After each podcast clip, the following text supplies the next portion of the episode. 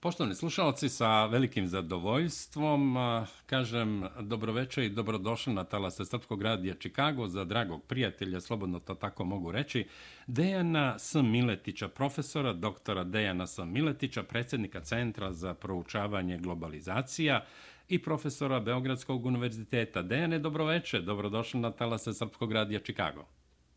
Dobroveče, dragi Milorade, drago mi je da imamo prilike da razmenimo stavove. Pozdrav vama i vašim gledalcima. E, nadam se da ćemo uspjeti da im skrenemo pažnju malo i da prosto tu tradiciju srpskog radija očuvamo, da prenesemo duh Beograda malo i u Čikago i tako da prosto se osete svi da smo mi jedna velika porodica ma gde bili u svetu. Eto, tako da Apsolutno je tako, da, hvala.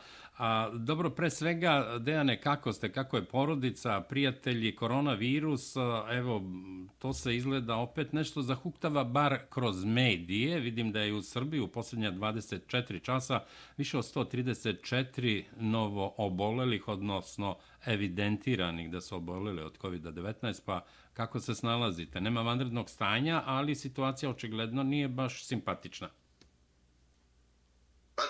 Konstatovati da je došlo do ozbiljnog opuštanja i da zaista sada više nema one priče, ne znam nikog ko je zaražen virusom, nego tu je virus oko nas. E, očigledno da dolazi do onog širenja intenzivno virusa, ali e, bar ja za sada ne znam neke posljedice u mom okruženju da neko ima, ali e, nije prijatno, čujete po nekog da, da je, što kaže, u malo ozbiljnijem stanju, i tako dalje. Sad ja e, lično iskren da budem, e, nisam siguran da li sam u nekoj fazi u februaru imao prilike da to preležim i moji bližnji, tako da e, nemam neki strah, ali e, vidjet ćemo, to je sad rizik, što kaže, život normalno funkcioniše u Beogradu, uprkos tim zaista tom intenzivnom širenju sada i da će to kakve posljedice veće imati, teško je sada predvideti, budući da računamo svi da je E, je toplota, to ultravioletno zračenje i tako dalje, da bi trebalo da malo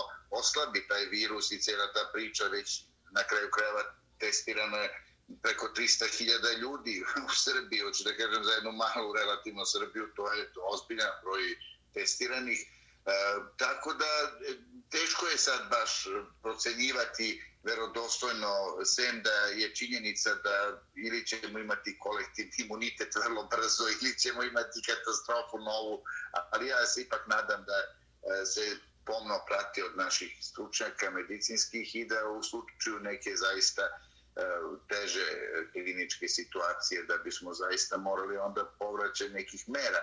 Za sada se to svodi na jednu opreznost veću, na uh, prosto nošenje maski uvek kad je to moguće, poželjno, ali e, da je promenjena epidemiološka situacija, to stoji i čini mi se da prosto se e, virus širi vrlo intenzivno. A Dejane, evo za početak, kratko komentar proteklih izbora u Srbiji. Da. Mislim, e, Srbija je rekla e, šta je imala e, tim povodom, imali smo preko 50% izlazi, izašlih na izbore, što govori da je bojkot izbora propao, jer skoro da nismo imali, imali smo 55-56 procenata, znači 5-6 procenata, nek bude i 10, i čak i da je bojkotovalo, opet je to daleko od neke ozbiljne grupe ljudi koja bi prosto mogla neku ozbiljniju akciju političku da sprovede. Znači da je to, bojkot je propo, s druge strane, SNS je e, značajno pobedio, što govori da ljudi cene napore pre svega u ekonomskoj sferi koje je vlada Srbije učinila na čelu sa predsjednikom Srbije i tu to treba konstatovati. To je prosto očigledno e, i nekako e, postoji taj e, čudan osjećaj da u stvari E, srpski narod e, nekako kad se zavrti ta kockica, kad se vratite da 91 e, i sada 2020. nekako kao da je ciklus jedan zatvoren i e, slične političke strukture, mada zamenjeno, tad je SPS odbio, a sada neki radikalski, uslovno rečeno, pokret, jer to je ta neka e, desnica centralna, od centra desno, ajde tako da, da formulišem, nacionalna neka struja koja e, je otvorena i prema istoku i prema zapadu, gleda da balansira, ali čini mi se da je to nekako politička scena koja e, konstantno postoji kao vodeća u Srbiji se u onom kratkom periodu posle 2000-te e, kada je, mora se konstatovati, ipak bio e, neki relativni haos i ne vidi se da je to tome bilo nešto dobro Srbiji narod e, brine o nacionalnim interesima e, s jedne strane, a s druge strane e, priželjkuje dalji nastavak ekonomskog rasta i to je, čini mi se, konstanta ovih izbora. Dobro. Profesore Miletiću, Kosovo i Metohija. Optužnice specijalnog tužilaštva za zločine takozvane oslobodilačke vojske Kosova protiv predsjednika takozvane države Kosovo, Hašima Tačija i bivšeg predsjednika Skupštine takozvane države Kosovo, Kadri Veselija i još nekolicine pripadnika takozvane oslobodilačke vojske Kosova zbog zločina protiv čovečnosti i ratnih zločina. S tim u vezi, Hašim Tači otkazao je put za Vašington i sastanak s Aleksandrom Vučićem, koji je organizovao specijalni zaslanik predsjednika Donalda Trumpa za dijalog Beograda i Prištine, ambasador Richard Grenell. Danas je i predsjednik vlade takozvanog Kosova, Avdullah Hoti, otkazao dolazak u Washington 27. juna, pa je s tim u vezi ambasador Grenell odložio sastanak, odnosno dijalog Beograda i Prištine. Dakle, molim za komentar prvo ove optužnice, zašto baš u ovo vreme i šta dalje? Ja bih se radovao zaista da je u svakom drugom trenutku optužnice da su pokrenute, ja bih rekao svaka čast, ipak je pravda spora, ali dostižna u ovom trenutku se vidi da je to jedna vrsta politizacije e, tog procesa, e, što kaže, e, procesa zločinima koji su jasni i evidentni i za koje mi pričamo od početka, znamo ih odlično, nama ne treba Međunarodni sud da nam ukaže da je Haradina i Tači i Veselji, cela ta klika ove kada su to ubice, koljači, kako da kažem, kriminalci, Ehm, paravojne formacije koje i dan danas e, žari i pale Kosovo i Metohiju. Nama ne treba međunarodni sud. Mi znamo po glavu i znamo u glavu što kaže i žrtve i kakve su zlodela ti ljudi činili. Tako da, e, hoću da kažem, e, dobro je bilo da zbog satisfakcije žrtava u neku ruku zaista i zbog međunarodne pravde da prosto je to jedan proces koji bi zaista završio presudama koje bi bile osuđujuće i to ozbiljno osuđujuće za takve ljude. Međutim, mi ne možemo da, da zaboravimo šta se sve dešavalo u Bosni i Hercegovini, u Hrvatskoj, na kraju krajeva, evo sad i na Kosovo i Metohiji, a vidimo i u Crnoj Gori šta se dešava i, i koliko su ti dvostruki standardi bili zastupljeni i dalje jesu. Na kraju krajeva, cela ta klika politička uh, Albanaca na Kosovo i Metohiji podržana od uh, Clintonove Amerike uh, i Evropske unije i tako dalje. Prosto vidi se ko su oni. Evo i ti, ti dokazi, koji, ubijeni svedoci na kraju krajeva su najveći dokazi njihovih, njihovih zločinačkih karaktera. I, I sada to su ljudi koji su branili evroatlanske vrednosti, na Kosovo i Metohiji, puna im usta bile i Amerike, i NATO, a i Evropske unije. Pa čekajte, ili za takvih ljudi treba da stane Evropska unija, da se američke države, su to reprezenti, ili Đukanović Milo reprezent te, te, eh, te demokratičnosti ili, ili tih, tog sistema vrednosti. Govorim koliki je to poraz eh, u, u, u regionalnosti ili ubujanje ustaštva u Hrvatskoj, Hrvatska ovakva kakva je i to je, to je neka vrednost Evropske unije ili NATO ili govori. Koliko je to se nisko palo i koliko je to jedna zamena teza e, koja zaista boli. I ja nisam siguran u, u krajnju pravdu. Na kraju krajeva i Haradina je u Haškom tribunalu pa je oslobođen zbog nedostatka dokaza ubijenih svetoka. Tako da e, ispašte na kraju krajeva da je ovo samo e, potez koji treba da dezavuiše Grenela i američku stranu u ovom procesu, koji su vrlo jasno stavili do znanja da ne žele da se bave krupnim političkim pitanjima, verujući da to prosto e, nije ni trenutak, nego da treba se brinuti o ekonomskim aspektima saradnje, o mogućnostima da se da ljudi bolje žive na ovim prostorima i traženju zajedničkih opći između albanskog i srpskog naroda, bez pretenzija da se ubedi srpska strana da treba da prizna Kosovo, jer to neće se dogoditi, niti e, da e, Albanci koji veruju da je ta nezavisnost gotova stvar, treba da se ubeđuju da e, to neće ići tako kako oni zamišljaju. Prosto je bilo orijentisano na to kako pomoći ljudima da bolje žive, kako napraviti projekti i obezbediti s američkim državama prisustvo u regionu, ali očigledno da postoje razmimo ilaženja duboka unutar međunarodne zajednice i ono što radi nemačka diplomatija pre svega, a zatim i Evropska unija, je u stvari dezavuisanje e, uloge američkih država pod Trumpom. Pretpostavljam da duboka država i preko njih, kad mi to pričamo u Srbiji, duboka država, mi imamo u vidu E, demokratske strukture, odnosno strukture e, demokratske partije i američkih država, Bila Clintona, Obama i tako dalje, ljudi koji su promrežili administraciju, gradili karijere na nesreći srpskog naroda u regionu i na kraju krajeva brane ih e, do posljednjeg života i Srbina i Albanca u regionu, ne razmišljajući o suštini i smislu svega toga što rade, nego samo opravdajući svoje, svoje karijere i interese partikularne. Dobro je poznato, evo vidimo Engel Da, upravo sam hteo da vas pitam, Elliot Engel, kongresmen, konačno otišao, inače jedan od najvećih albanskih lobista, kome su dodeljivali neke nagrade dole iz te takozvane države Kosovo, plakete, otkud znam već šta?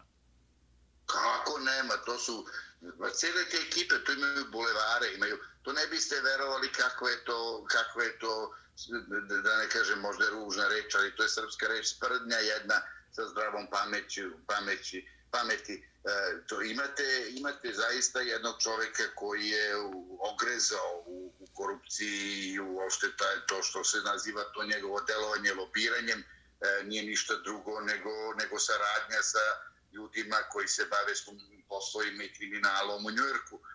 Albanci su, to nije nikakva tajna, ja verujem i za FBI, ali eto, takav čovjek je dospeo do glavnog predstavnika kongresa E, u spoljnopolitičkom odboru i koji žari i pali spoljno politiku zemljičkih država i predstavlja Kosovo kao prioritet spoljne politike Amerike. Znate, koliko je to smiješno, sve i neodgovorno i neozbiljno, ali za njegov džep je to vrlo važno. I hvala Bogu, na kraju krajeva da, da vidimo sada te pomake, da, su na, da je narod prepoznao da je to jedan, što kaže, e, da ne kažem, prosto poluga, ja, gruba je reč, ipak je to visoki predstavnik, ja ne želim da budem grub, ali to je čovjek koji beskrupulozno je pljuvao po srpskom narodu, optuživao ga, rovario, ničim izazvan, posebno što, što mi zaista ničim nismo zaslužili tako ponašenje američkih država, a takvi neki pojedinci su upotrebili u stvari se američke države za svoje interese i ta najza se nada da će to početak kraja svim tim uh, albanskim lobistima, e, voljnim, nevoljnim, mnogi od njih su u stvari korumpirani karijerama svojim. Tako da, da Engel je pravi primer e, kak, na što je sve to ličilo i kakvi su ti ljudi koji su u tom periodu e, što kaže, određivali supinu srpskog naroda krajem 90. i početkom 21. veka i evo još uvek e, su bili uticeni, nadam se da je to kraj uh, Eh, Engelov, ali ima još takvih ljudi koji su stvo, prosto umreženi u tu uh, jednu korupcionašku mrežu i to je zaista jedna, jedna sramota čini mi se s država, ali mi vidimo kakve sve vi probleme zaista srećete tamo i na što sve to liče od jedne bastiona demokratije, ljudskih prava, eh, američkog sna i tako dalje, mi vidimo E, prosto da se ne biraju sredstva, da se ogadi Trump ljudima, da se spinuju razne, razne e, kako da kažem, razne gadosti koje prosto treba da dovedu do izbora s moje tačke gledišta čovjeka koji je nažalost e, bolestan. Jer ono što sam ja uspio da vidim, bolje vi u Americi to vidite, ali vidio sam neke klipove, neke E, njegove nastupe koji govore da čovjek zaista ima jedan ozbiljni demencije.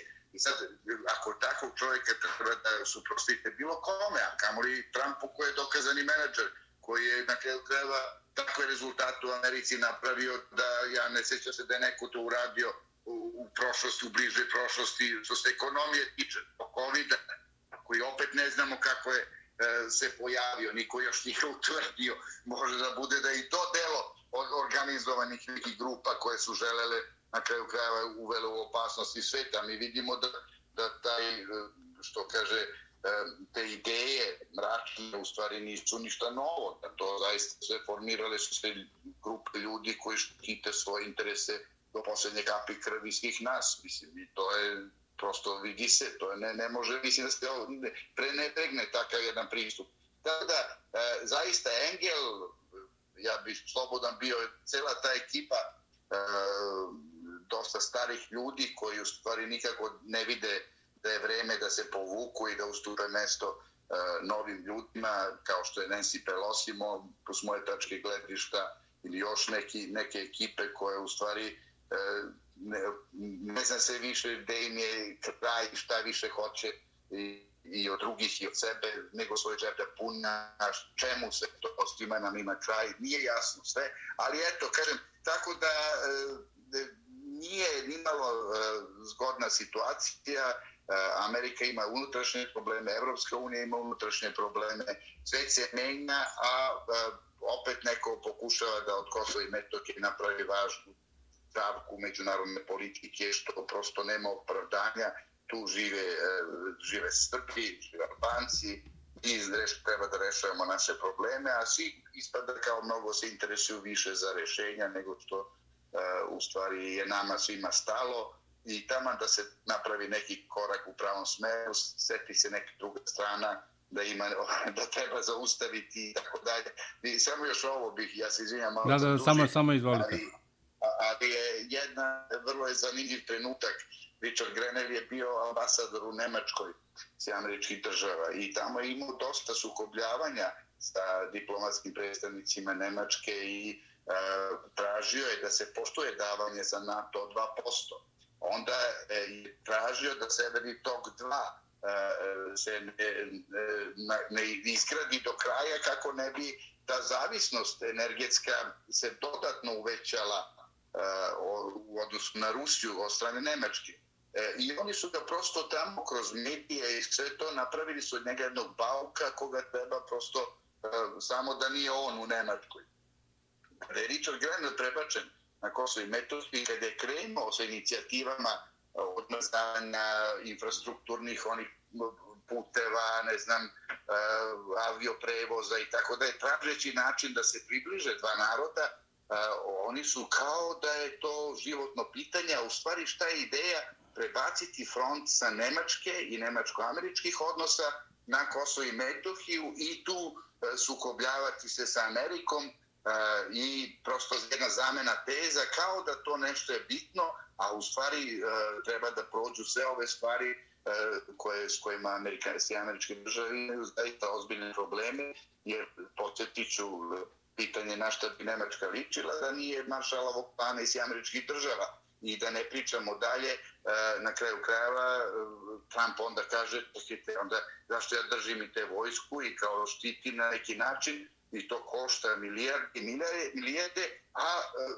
prosto niko ne poštuje sve američke države, nego svi kao imaju svoje interese. Tako da hoću da kažem, dosta je tih razmirica na globalnom nivou koji se sad opet na neki način prelamaju na Kosovo i Metohiji i zaista treba biti mudar, taktičan i korak po korak prosto razvejati te zle duhe i prošlosti.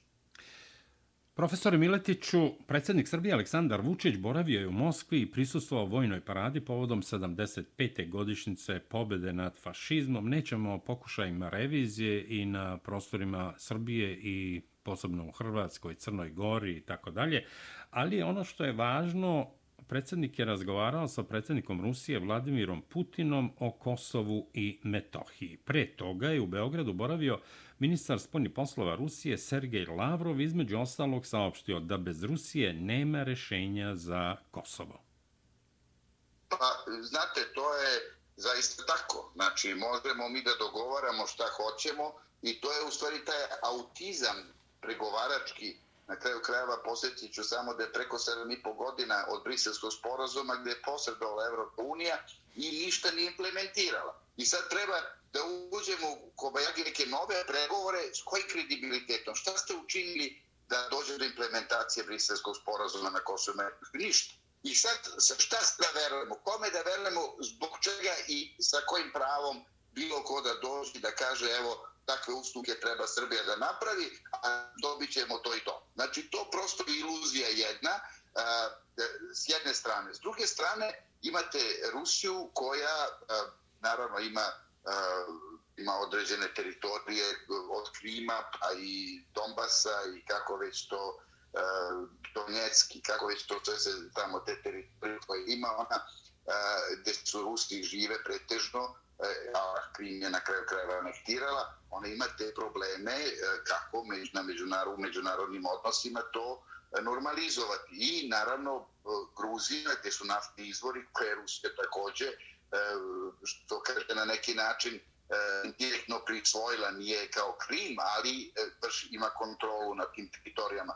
Hoću da kažem da Rusija ima svoje vrlo ozbiljne interese, da ima upliv i na ovim našim prostorima i da prosto u tim jednim kompleksnim pregovorima e, proba da zaštiti, da maksimizira svoje interese i ona zaista prsto, što u ovoj situaciji odgovara Srbiji, stoji na rezoluciji 1244 i e, činjenici da Kosovo i Metohija su neotuđivi deo Srbije. E, to je ono što u ovoj situaciji kada, kada mi želi, kada bi neko želeo da promeni taj status, on bi morao to da promeni na nivou Ujedinjenih nacija, a to podrazumeva da se strane članice Saveta bezbednosti, između, među kojima su Rusija i Kina, slože sa bilo kakvom promenom. Znači, bez Rusije vi to ne možete da izvedete i ta priča o ulasku Kosova u jedine nacije je prosto samo priča ukoliko e, Rusija i Kina se ne bi složile sa takvim činom. Tako da zaista ključeve e, priznanja na globalnom nivou Kosova drži Rusija u neku ruku. E, ona i Lavrov je i ovom prilikom to ponovio, a i gospodin Putin je više puta to rekao isto, e, prosto Rusija e, samo priznaje suverenitet Srbije nad Kosovom i Metohijom i to je ono što nama daje zaista uh, nekako vetar u leđa, ali ne običan, nego prosto, uh, E, prosto jedna velika podrška koja uvek vam može da je manevarski prostor neophodan u ovoj situaciji kada mi vidimo da postoji jedna konfuzija o tom šta dalje sa, sa Kosovom, koje je ne, Kosovom tako kako su oni napravili, koje je neodrživo, koje je e, i bezbednostno i e, institucionalno vidimo da je to jedan jedan totalni haos, da, da imate vladu koja je formirana sa glasom više, koju ne priznaje E, prethodna vlada Kurtijeva, Hoti koji e, zavisi od veselja i tačija, koji evo sad su treba da idu na suđenje, onda on bez njihove podrške ne postoji vlada, e, Kurtijev ugled raste jer on je kao sad kobajagi principijela nešto, E, on ne priznaje Tačija, njegove potpise. Znači, niko nikog tu ne priznaje, svi kao nešto rade i svi su kao bitni. Govorim koliko je to, uh, koliko je to van svake normale i koliko tu, ko će se baviti onda zaštitom običnog čoveka i zato imati incidente i prema srpskom narodu, a i šuruje kriminal jedan organizovani, ozbiljan tamo koji je van kontrole i bilo kojih institucije. Jer institucije ne postoje, postoje određene međunarodne snage koje gledaju kako da se vrate kući sa što većim buđelarom i sa što manje posljedica. A da se ozbiljno bave rješavanjem problema tih ljudi, to nikog ne interesuje. I govorim koliko sve to ima e, e, duboke korene. Tu jedino E, bi Srbija mogla da, da, da doprinos pojačane bezbednosti, da kada bi se to normalizovalo, ali to je jedan proces koji sigurno ne može e, jednostavno i brzo da bude realizovan, prosto pre svega mora da e, se ukrene u, jednu, u korak po korak projekte, dijalog, jedan, jedna normalizacija odnosa, jedna druga retorika, ne retorika mržnje i konflikta, nego prosto to je onda put Sve ovo sad, neki sporazumi koji će odjednom da reše stvari, to se neće desiti, a na kraju krajeva čak i ne znam ko, ne znam šta da uradi, da to nije, neće doneti mir na ovim prostorima, mora to da bude proizvod jednog prirodnog, e, prirodnog odnosa, prirodnog prava, a to znači ne možete da otimate Srbiji e, mimo svakog prava i teritoriju i ljude i da unižavate, ponižavate, ne poštujete njene nacionalne interese,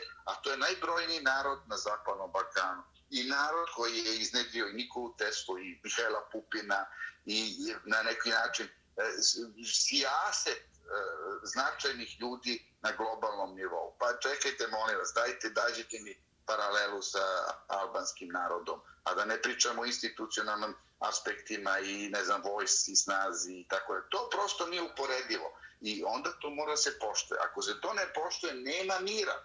Ne može mir da, da, da bude održan bez poštovanja prirodnih elemenata eh, da, kvaliteta, moći, pravde i tako dalje tako piše. Tako da eh, sve to što se radi je u stvari jedno nadigravanje velikih sila, a tu niko nema u vidu nikakva ozbiljna krajnja rešenja i to je najžalostnija stvar u celoj priči.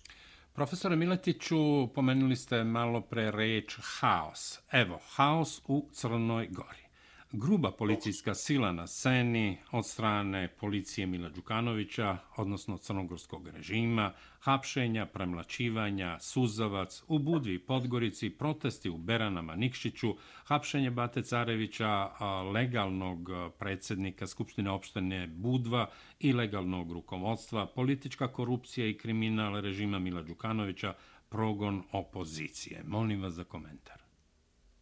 Eto, to je, to je e, realnost regionalna u situaciji kada postoji e, kreirana oligarhija u regionu koji treba da budu antagonizovani Srbi i srpskom narodu, a ne da budu konstruktivni i dobronamerni. Đukanović je proizvod e, jednog vremena, da ne kažem i komunističkog sistema, on je čovjek koji je beskrupulozan, što čovjek koji, kome ništa nije sveto, koji ne veruje ni u Boga, hoće da ima i crkvu i svu moć koji policijsku i, krimi, i kriminal da vodi. I sve to što on je do sada radio je bio, e, bio primer demokratije i uspešnosti za Evropsku uniju koja mu je otvorila sva poglavlja. Osjećam samo za razliku od Crne Gore, Srbija ima 18 poglavlja tek otvorenih, a Milo Đukanović je u stvari taj miljenik i taj primer e, kako treba u stvari voditi demokratske procese, a evo vidimo hapsi se sveštenstvo, zabranjuje se e, okupljanje e, vernika, e, hapse se legalno izabrani predstavnici naroda, izvrće se demokratija ruglu, znači osvoji neko većinu, onda on udbaškim metodama gleda kako da tu preokrene većinu neprestano, znači ne sme niko nigde da vlada, ne sme niko samo može, može bilo Đukanovića. Znači, to je primer tog licemerja i tih postrukih standarda gdje smo mi, jer je to, jer je Milo Đukanović iz Crna Gora sa 2000 vojnika od, od toga 1000 uniformama, 1000 u civilu, jer je to snaga NATO pakta, jer je to zemlja koja je donela mir i kvalitet u NATO paktu. Jer je to neka zemlja koju, koju, za koje treba stanu svi američke države ili Evropska unija. Jer su to je sistem vrednosti koji išta vredi. Pa dajte, molim vas, ljudi, pa kako misle ti ljudi, pa su, smo mi slepi ovde? Pa nije, nije samo mi, nego uopšte ko može normalan uh, da, da ostane nem i kao što oni to rade, sa blagim kritikama, sa nekim sugestijama, to je za, za sankcije, za izolaciju, za čovjek koji je uzurpirao čitavu jednu državicu, ona je mala, to je 600.000 ljudi, ali on napravio od nje jednu prćiju, jednu bruku za, za Evropu i to niko, svi nema, prave se ludi, ne znam, COVID, ne znam ovo, ne znam ono, a tamo ljudi su maltretirani, hapšeni, e, proterivani, zatvarani granice, da ne može slučajno neko, znate, to je više druga polovina Crne Gore u Srbiji. Mislim, ljudi koji su živjeli u Crnoj Gori, sad su, bar polovina njih je sad u Srbiji. I sad oni ne mogu da odu uđu u Crnu Goru. Za Boga. Ali, ta, I tako, da ne pričamo o tim nebulozama, nekim neshvatljivim elementima, i svi su uglavnom tu nemi, to je jedna, jedna uh, blaga reakcija. Oni uh, ne, ne druže se sa Milom Đukanovićem sad, on nema gde da ode, njega ne poštoje ni jedan predstavnik međunarodni, ali on i dalje opstoje, nema tih ozbiljnih kritika, nemate vi nikakve, nikakvo preduzimanje nekih mera da se sankcionišu e, taj nivo brutalnosti prema svom narodu. Pa pogledajte, ovaj danas u Tiftu imao za prilike da vidim koliko je ljudi se okupilo. Pa svaka litija u stvari je to beskonačna kolona ljudi. Znate šta je to za Crnu Goru u, u kojoj svi zajedno, kažem, 600.000 ljudi, cela teritorija. I onda kad vidite nepreglednu kolonu ljudi u Tiftu, pa čekajte, molim vas, da li su oni ti ljudi normalni uopšte, kakav je put Mila Đukanovića moguć, sem nasilja, kad je on došao da bije svoje komše, tamo se ljudi u glavu znaju. Pa znate, oni dovedu uh, iz Ulcinja, iz Bara, uh, Bošnjake, Šiptare da tuku u Budvi uh, ljude, Srbe i, koji žive u Budvi. Pa čekajte, molim vas, pa čija je to zemlja? Pa ti ljudi znaju ko su i šta su, pa znaju njihovi dedovi, pa, pa znate, ne možete vi da, da izmišljate stvari, pa mi nismo se rodili mi od juče. Govori koliko je to sve do absurda dovedeno i kolika je ta duboka kriza koja zaista ta, ta, to licemerje, to, to neko beznađe e, koje se vidi i unutar Evropske unije, jer ona sad pokazuje neku kao kobajagi moć u odnosu na američku diplomatiju, a suštinski e, kakve rešenja nudi i šta su njeni instrumenti. To se ne vidi. Tako da eto, to je jedna, jedna žalosna spika Crna Gore, žalosna spika e, Evrope pre svega, a čini mi se da će srpski narod e, pobediti e, uz Božju pomoć i da će e, te tirane i te bezbožnike proterati jednom za svakda i da ćemo najzad, e, što kaže, uspeti. Znate, to je jedna, jedan nož za bodenu u telo srpskog naroda i kad izvadite Mila Đukanović i ceo taj režim, e, mi ćemo prodisati plućima dodatno i to će opet jedan novi zamak biti e, srpskog naroda. Samo je pitanje trenutka, on je e, ušao, na, ušao je u taj e, vrtlog e, iz koga nema povratka i nema, ne treba imati milosti prema njemu, prosto treba stvari rešavati onako kako se mora, to znači E, nikad ne dozvoliti da e, ljudi slični Milu Đukanoviću u budućnosti dođu u priliku e, da rovare unutar srpskog tkiva. A profesor Miletiću, pred sam kraj našeg današnjeg razgovora, htio bih da apostrofiram izjave vrlo česte, rekao bih, u posljednje vreme, ministra inostranih poslova Srbije Ivice Dačića i drugih zvaničnika koji tvrde da u Beogradu rade agenture Agencije za nacionalnu bezbednost Crne Gore, odnosno agenture Mila Đukanovića. Kako je to moguće i da se ništa u tom smislu ne preduzima, da a, tu tajne službe ili već koje službe treba da reaguju u Srbiji, stalno se to apostrofira i nikom ništa? Pa znate, to je jedan problem koji je nasleđen iz komunističke Jugoslavije. Znate, crnogorci su bili glavne i glavni rukovodioci tajnih službi u Srbiji. Tako su kadrirani, tako je to postavljano. Direktori su uglavnom bili crnogorci po Vojvodini, cela Vojvodine kontrolisana bila uvek od crnogoraca. Pa je onda e, tokom 90-ih i Milošević, Bora Milošević je deklarisao rođeni brat Slobodana Miloševića kao crnogorac. Slobodan Milošević je bio Jugosloven.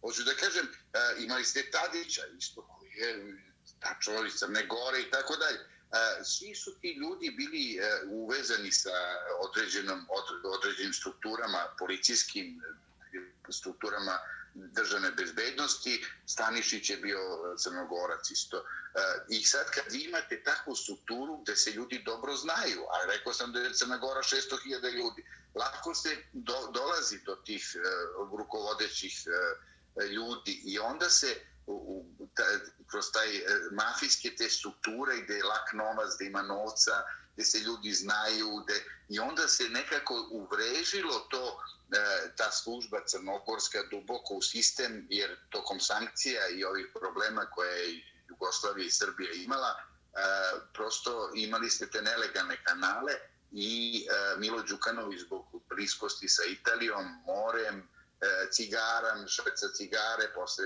raznih narkotika i tako dalje, on je ulazio u ogromne svote novca, diskrecione fondove koje niko nije imao kontrolu.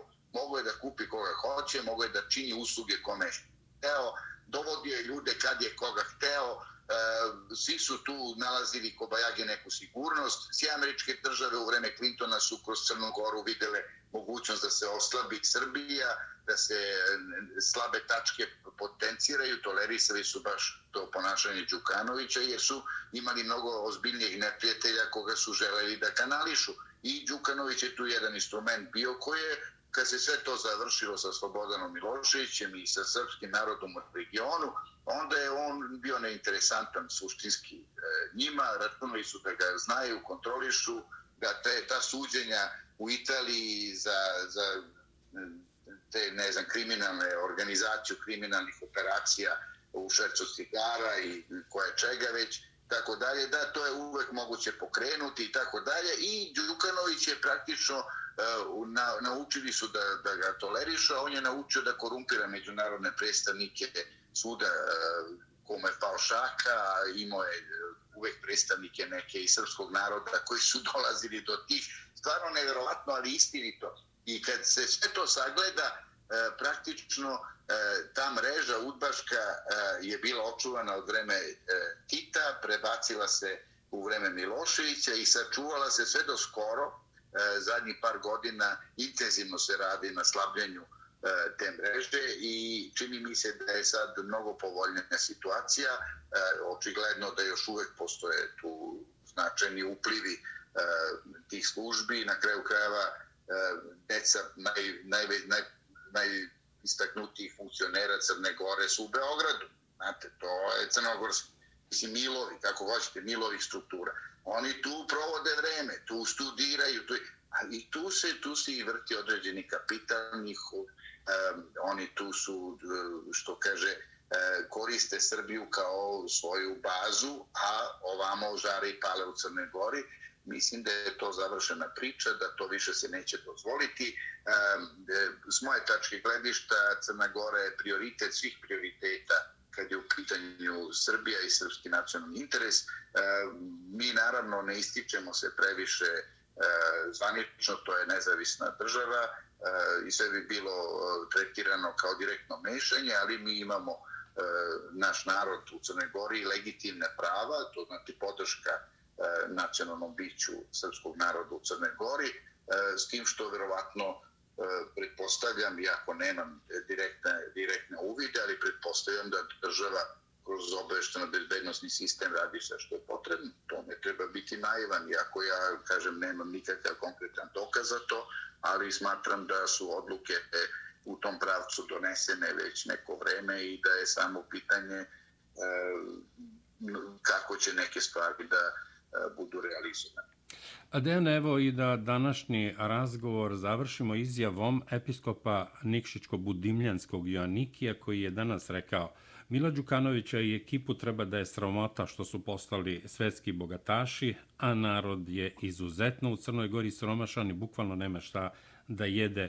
Bogatstvo Mila Đukanovića procenjuje se na preko milijardu dolara. Duško Knežević, vlasnik Atlas grupe iz Londona, poručuje međunarodni istražitelji pronašli su Milove milione. On je s tim u vezi danas i pokazao dokumenta, kompletnu priču je rekao da će objaviti tokom predizborne kampanje u Crnoj Gori.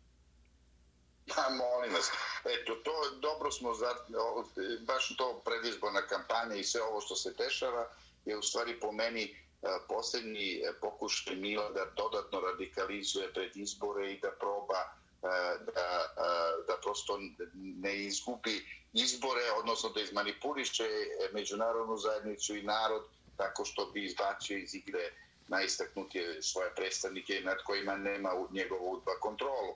E, tako da e, sad da, da se vratimo po gastu Mila Đukanovića, znate ne treba Knežević to samo da kaže Daily Telegraph, britanski je e, vrlo jasno naznačio Đukanovića kao jednog od najbogatijih političara e, Evrope. Znači nije, nije precizirao, ali u Evropi je čovjek jedan od najbogatijih političara. To je samo po sebi E, dramatično, a zna se i o Đukanovićem bratu koji kontroliše i bankarski sistem i mafiju i tako dalje, zna se o njemu koji žari i pali, ne možete ništa obino da uradite u Crne Gori ako Đukanović to e, se nije ugradio u taj proces i to se sve zna. To nije, znate, mali smo mi suvišće, a e, nekako dosta smo i uvezani i nema tu tajni veliki. To da će imati za nešto dokaz, to je drugo, ali šta je istina, tu ne može da se slaže e, mnogo, a ta arogancija Đukanovića i to ta činjenica da e,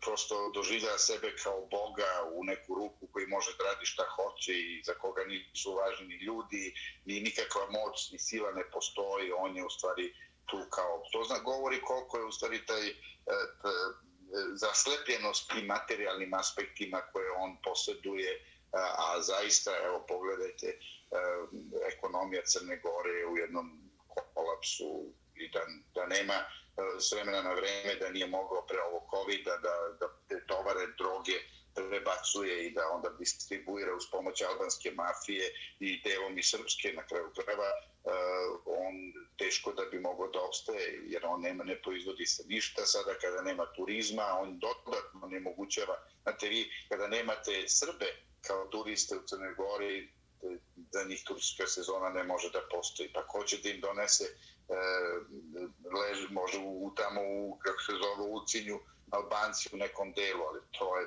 prosto neodrživo. Nema tu turista, sem Srba, ozbiljnih koji, koji dođu tu da provedu svoj godišnji odmor, potroše novac i tako dalje. I Milo Đukanović je zaratio sa srpskim narodom i prosto zabranio bilo kakav ulazak, dozvoli Nemcima, dozvoli svim živim italijanima i tako ali ne može Srbi da uđu i tako, tako on rešava stvari i misli da je, što kaže on, narodski veliki baja, a ne svata koliko je u stvari e, grešan i koliko je navukao, što kaže, e, besa srpskog naroda u Crnoj Gori i to ne može na dobro pod njega da se završi. Tako da e, e, siromaštvo je polako kuca na vrata ljudi u Crnoj Gori, e, nema ko da im tu pomogne, a Milo će sve učiniti da im odmogne, budući da e, za njegove tačke gledišta, njegov interes je da nijedna srpska glava ne kroči na prostor Crne Gore i on ovu epidemiju koristi kao instrument za obezbeđenje svoje moći i vlasti.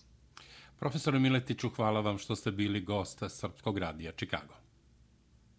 Hvala i vama, svako dobro vašim gledocima i da će Bog uh, svanuće novo jutro sjajno i lepo za srpski narod. Radimo na tome i mislim da to pre ili kasnije će biti neminovnost. Da, profesore, s obzirom da su u pitanju slušalci Srpskog radija Čikago, ali vi ste vrlo često gost na televizijama sa nacionalnom frekvencijom i na svim drugim, pa onda vam se to potkrade kao navika da pozdravite gledalce. Dakle, a sasvim u redu, gledat će vas, da, gledat će vas na YouTube kanalu svakako, tako da je u redu i to. da, da, da, dobro, hvala. Izvidjava se. Ništa, vrlo simpatično. Hvala vam još jedan put, poštovani slušaoci i gledaoci. Naš gost je bio profesor dr. Dejan S. Miletić, predsjednik Centra za proučavanje globalizacije i profesor Beogradskog univerziteta. Laku noć!